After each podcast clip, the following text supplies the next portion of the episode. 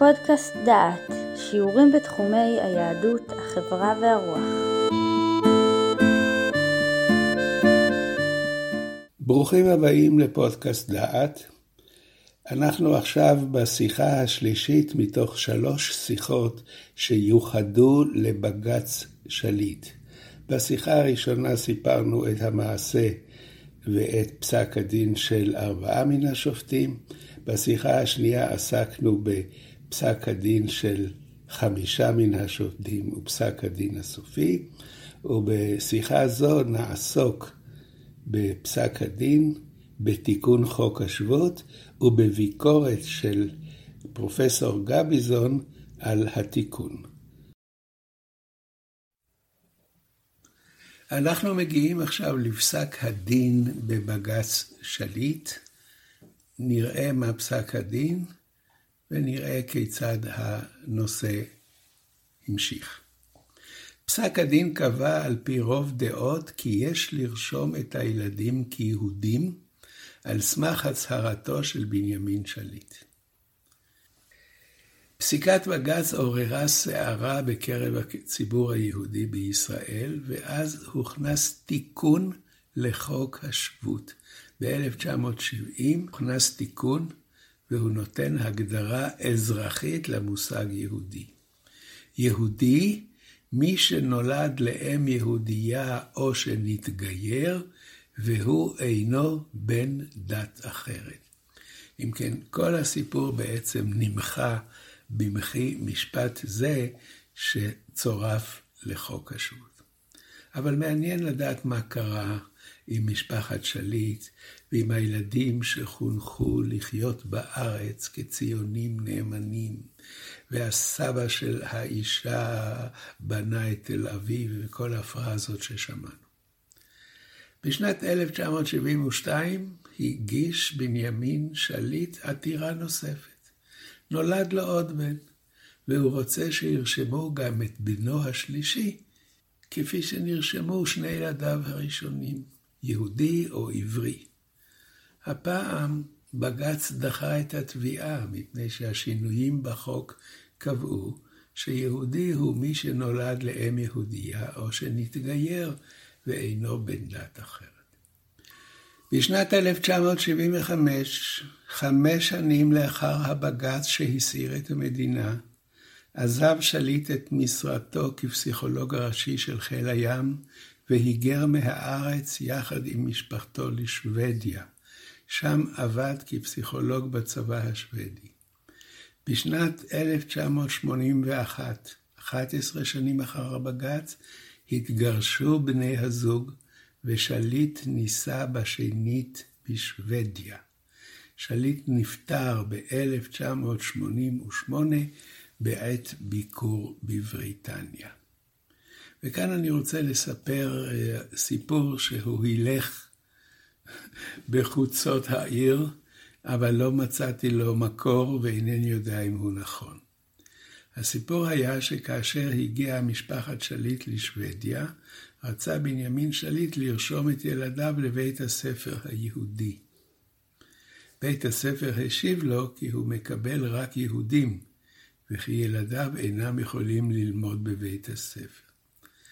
האם הסיפור הזה הוא אמת, אין לדעת, אבל לאגדות יש חיים משלהם ומטרות משלהם, והן לא נולדות uh, סתם כך.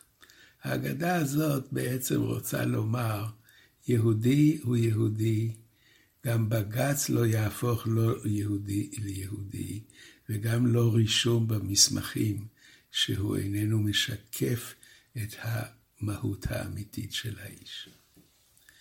העניין לא נסתיים בזה. תיקון חוק השבות יצר כמה דברים שמעניין לעמוד עליהם. אם כן, אמרתי שב-1970 הוכנס תיקון לחוק השבות, שהוא הגדיר יהודי. יהודי מי שנולד לאם יהודייה או שנתגייר, ואינו בן דת אחרת. עכשיו אני רוצה לקרוא את כל ההוספות ולהראות מה קרה כאן.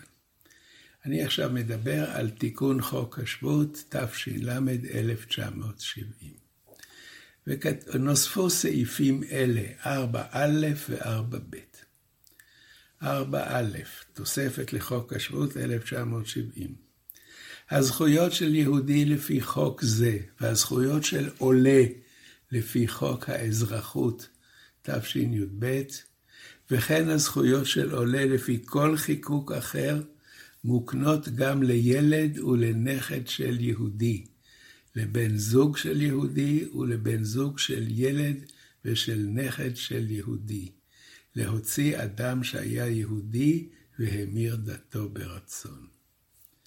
אין נפקא מינה אם יהודי שמכוחו נתבעת זכות זו, הוא עודו בחיים או לא, ואם עלה לארץ או לא. יש כאן, אם כן, הגדרה. יהודי לפי חוק השבות ולפי חוק האזרחות, הוא גם בן זוגו של יהודי וגם בן זוגו של נכד של יהודי. אם אנחנו שמים לב עכשיו לחוק הנכד, שהוא עולה בדיונים ציבוריים הרבה, זה הסעיף שגורם לכך שהרבה מן העולים מביאים תעודה על סבתא יהודייה ודורשים לקבל את זכויות העולה ומקבלים אותו. אדם שהסבתא שלו יהודייה והיא אפילו לא, איננה בין החיים והוא אין לו שום זיקה אמיתית ליהדות, יכול לעלות למדינת ישראל ולשהות בה או להשתמש בה כפלטפורמה ליציאה למדינה אחרת. זה הסעיף שמאפשר את הדבר הזה. עכשיו יש עוד תוספת, וזה חוק מרשם התושבים.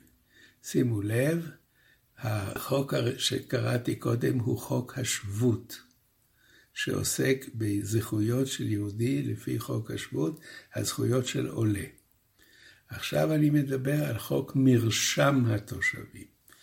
והשם התוספת 3א היא לא יירשם אדם כיהודי לפי לאומו או דתו, אם הודאה לפי חוק זה או רישום אחר שבמרשם, או תעודה ציבורית מראים כי הוא אינו יהודי. כל עוד לא נסתרו ההודאה, הרישום או התעודה האמורים לנחת דעתו של פקיד הרישום הראשי, או כל עוד לא נקבע אחרת בפסק דין הצהרתי של בית משפט או בית דין. אנחנו ממשיכים. אם כן, הוספה אחת הייתה לחוק השבות, שהוא נתן את זכות העלייה גם לנכד, את זכות הנכד. השופטת עדנה ארבל סיכמה חמש תכליות לסעיף 4א שהתווסף לחוק. חוק הנכד, אני חוזר, אותו חוק שאומר שאדם יהודי, שגם בניו וגם נכדיו יכולים להיחשב כיהודים ולקבל את זכויות העולה. מדוע החוק הזה? כותבת השופטת ארבל. אחד, עידוד בעלי זיקה משפחתית ליהודים לעלות לישראל ולהצטרף לעם היושב בציון כאמצעי למניעת התבוללות. אדם שהסבא שלו יהודי יעלה לארץ והדבר הזה ימנע התבוללות. שניים, עידוד יהודים הנשואים בנישואי תערובת לעלות לישראל ומציאת פתרון למשפחות מעורבות. שלוש, עשיית צדק על ידי השוואת המעמד של בני משפחה מעורבת שעולים לישראל, בלי שחלק מבני המשפחה יידרשו לעבור, לעמוד במבחני חוק האזרחות, בעוד האחרים יקבלו מעמד אוטומטי. זאת אומרת, משפחה שחלקה נשואה ללא יהודים, אין זה מן הצדק שהיהודים יקבלו את חוק האזרחות, ואילו הלא יהודים יצטרכו להתאזרח במסלול ארוך יותר. ארבע, איזון בין ההגדרה המסורתית לבין ההגדרה הלאומית של המונח יהודי בחוק השבות. מה זה איזון? השוואה. מכאן ואילך, המונח יהודי הוא לא לפי ההגדרה המסורתית, כפי שהוזכר, שהם מימי עזרא הסופר, אלא יש הגדרה מסורתית ותהיה גם הגדרה לאומית, ושני אלה יהיו חופפים זה לזה. חמש, איחוד משפחות והגשמת הזכות לחיי משפחה משותפים. כן, כאן צריך להעיר שמשפחה מעורבת אין לה שום הגבלות בחיים שלה, איש לא יורד לחייה, והזכות לחיי משפחה משותפים נובעת מן ההתנהגות של בני הזוג, ולא מן המעמד החוקי של אחד מהם כפי שהוא רשום. והייתה ביקורת על התוספת הזאת, הביקורת הייתה של הפרופסור רות גביזון. והיא כתבה ככה, לא ברור מדוע הזכות לעלות צריכה לכלול גם בני משפחה רחוקים של יהודי שאין להם עצמם כל זיקה ליהדות. מחשבות על צמצום כזה של חוק השבות יכולות לנבוע אפוא ממגוון מרכיבים של מטרת העל. ראשית, מן המחויבות לשוויון אזרחי במדינה, לא להעדיף מבגר, מהגרים שאין להם זיקה ליהדות על מהגרים אחרים, בעיקר אם יש להם שורשים בארץ. שנית, מן הרצון לקיים בישראל חברה מפותחת, מודרנית ומשגשגת. שלישית, וזה שולי, יש בנו זכאי חוק השבות כאלה הפועלים בצורה בוטה נגד האינטרסים של המדינה. הרצון לקיים פה מדינה המגינה על הסדר הציבורי ועל זכויות האדם של הכל, מחייב לא לאפשר ליסודות כאלה להיכנס ארצה מכוח זכות. רביעית, וחשוב, מגמה של צמצום זכאות העלייה על פי חוק השבות יכולה להתבסס גם על הרצון לחזק את המדינה כמקום בו מממש העם היהודי את זכותו להגדרה עצמית. מסגרת הזכאות צריכה להיות כזאת שתחול על כל אלה שרוצים להגר לישראל על מנת לחיות כאן חיים יהודיים שלימים, ולא תחול על אחרים. אין מקום להעניק זכאות מכוח שבות למי שאין לו שום עניין בחיים יהודיים, והוא אף לעיתים חבר מאמין ומזוהה בקהילה דתית או לאומית אחרת. הטיעון המרכזי של, הש... של השופטים גרס כי למושג יהודי יש אומנם משמעויות דתיות ולאומיות, אך המשמעות החשובה לעניין קבלת האזרחות היא המשמעות האזרחית, החוקית, מה שהולך לפי החוק החילוני ולא לפי ההלכה. כיוון שמנסחי החוק לא היו אנשי דת, כוונתם הייתה לכך שיהודי, כזה הראוי להכרה ביהדותו על פי חוק השבות, יהיה אדם שנראה כיהודי על פי המשמעות ההיסטורית המקובלת של המושג יהודי.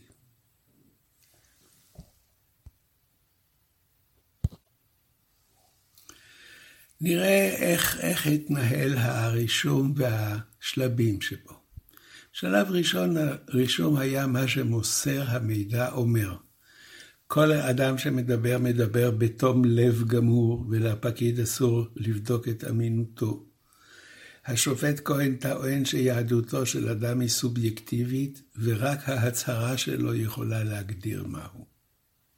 אם כן, שלב ראשון, יהודי על פי הצהרתו. אבל מה זה יהודי על פי המשמעות ההיסטורית המקובלת? זה מושג עמום לחלוטין.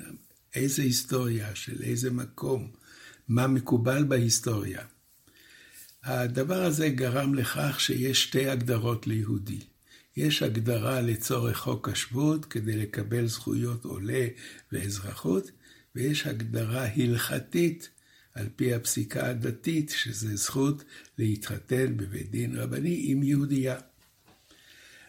השופט ברק הלך בכיוון שלו, והוא כותב שיהדותו של אדם יכולה להיקבע על ידי השופט.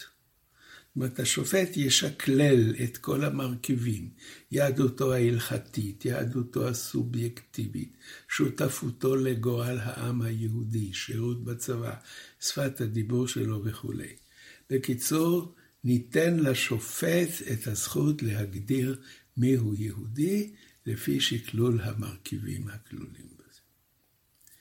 כאן אני רוצה לספר אה, סיפור של תופעה שאני נפגשתי בה, וראיתי מה, מה התוצאות של, של חוק הנכד. ניהלתי איזשהו קורס לעולים, ואחת העולות הייתה לא יהודייה, היא עלתה בזכות העובדה שאבי בעלה היה יהודי, משהו כזה, איזה קרבה רחוקה ליהודי. בעלה לא יהודי, בעלה היה יהודי, אולי, היה שם איזשהו סיבוך. בכל אופן, היא לא הייתה יהודייה, היא הייתה נשואה או קשורה ליהודים. הצד היהודי של המשפחה לא עלה לארץ, היא עלתה לבד עם ילד. לאחר זמן התברר שהאישה חולה בסרטן, ולאחר זמן קצר היא נפטרה. נותר ילד לבדו, ילד לא יהודי, בן לאם לא יהודייה, שהקרובים היהודים שלו נשארים ברוסיה וחיים שם חיים טובים. המצב היה שמדינת ישראל טיפלה בילד עד לבגרותו על חשבונה.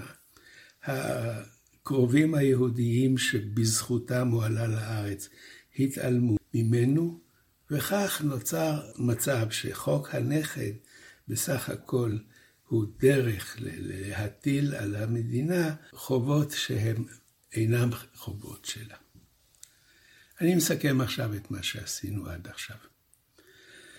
בג"ץ שליט הביא לבית המשפט את הצורך להחליט אם אדם יכול להיות רשום ליהודי, כיהודי, כאשר מבחינת ההלכה הוא אינו יהודי. הגישה הייתה לא להתעסק בשאלה, מפני שהשאלה כבדה. להפוך את השאלה לשאלה טכנית זוטרה. האם פקיד הרישום רשאי לסרב לרשום אדם כיהודי אם לפי ההלכה הוא איננו יהודי? הגישה הזאת אמרה שבעצם פקיד חייב לרשום מה שאמרו לו, גם אם זה לא נכון. ברור שאם המסמכים אומרים שהוא לא יהודי, משום שאימו לא יהודייה, ואין חולק בנושא הזה, אז להגיד שהוא רושם מה שנמסר בתום לב, זה לא בדיוק תום לב. השופטים קבעו שהבג"ץ של שליט הוגש בתום לב, ולכן צריך לרשום את ילדיו לפי בקשתו. השופט קיסטר היה היחיד שאמר שמה שנרשם במסמך ציבורי שנמסר על ידי המדינה צריך להיות נכון, ואי אפשר להגיד שכל מה שאדם אומר הוא בתום לב והוא בוודאי אמת. כפי שתיארנו, הפסיקה הזאת גרמה לכך שהחוק שונה, ויהודי הוא מי שנולד לאם יהודייה או שנתגייר ואינו בן דת אחרת. השאלה מיהו יהודי נפתרה, אבל השאלה מיהו גר לא נפתרה. עכשיו עלתה השאלה מיהו גר במקום השאלה מיהו יהודי. איזה גיור נחשב? מה זה גיור? אם קבוצה של שלושה אנשים מגדירה את עצמה כבית דין לגיור, והיא בוחנת בן אדם שעה וקובעת שהוא יהודי ומגיירת אותו, זה נחשב? כאן הגענו לשלב הבא של הנושא. אחרי שנקבע מיהו יהודי, נתברר שהשאלה לא נפתרה כלל. יודעים מיהו יהודי, אבל לא יודעים מיהו גר צדק.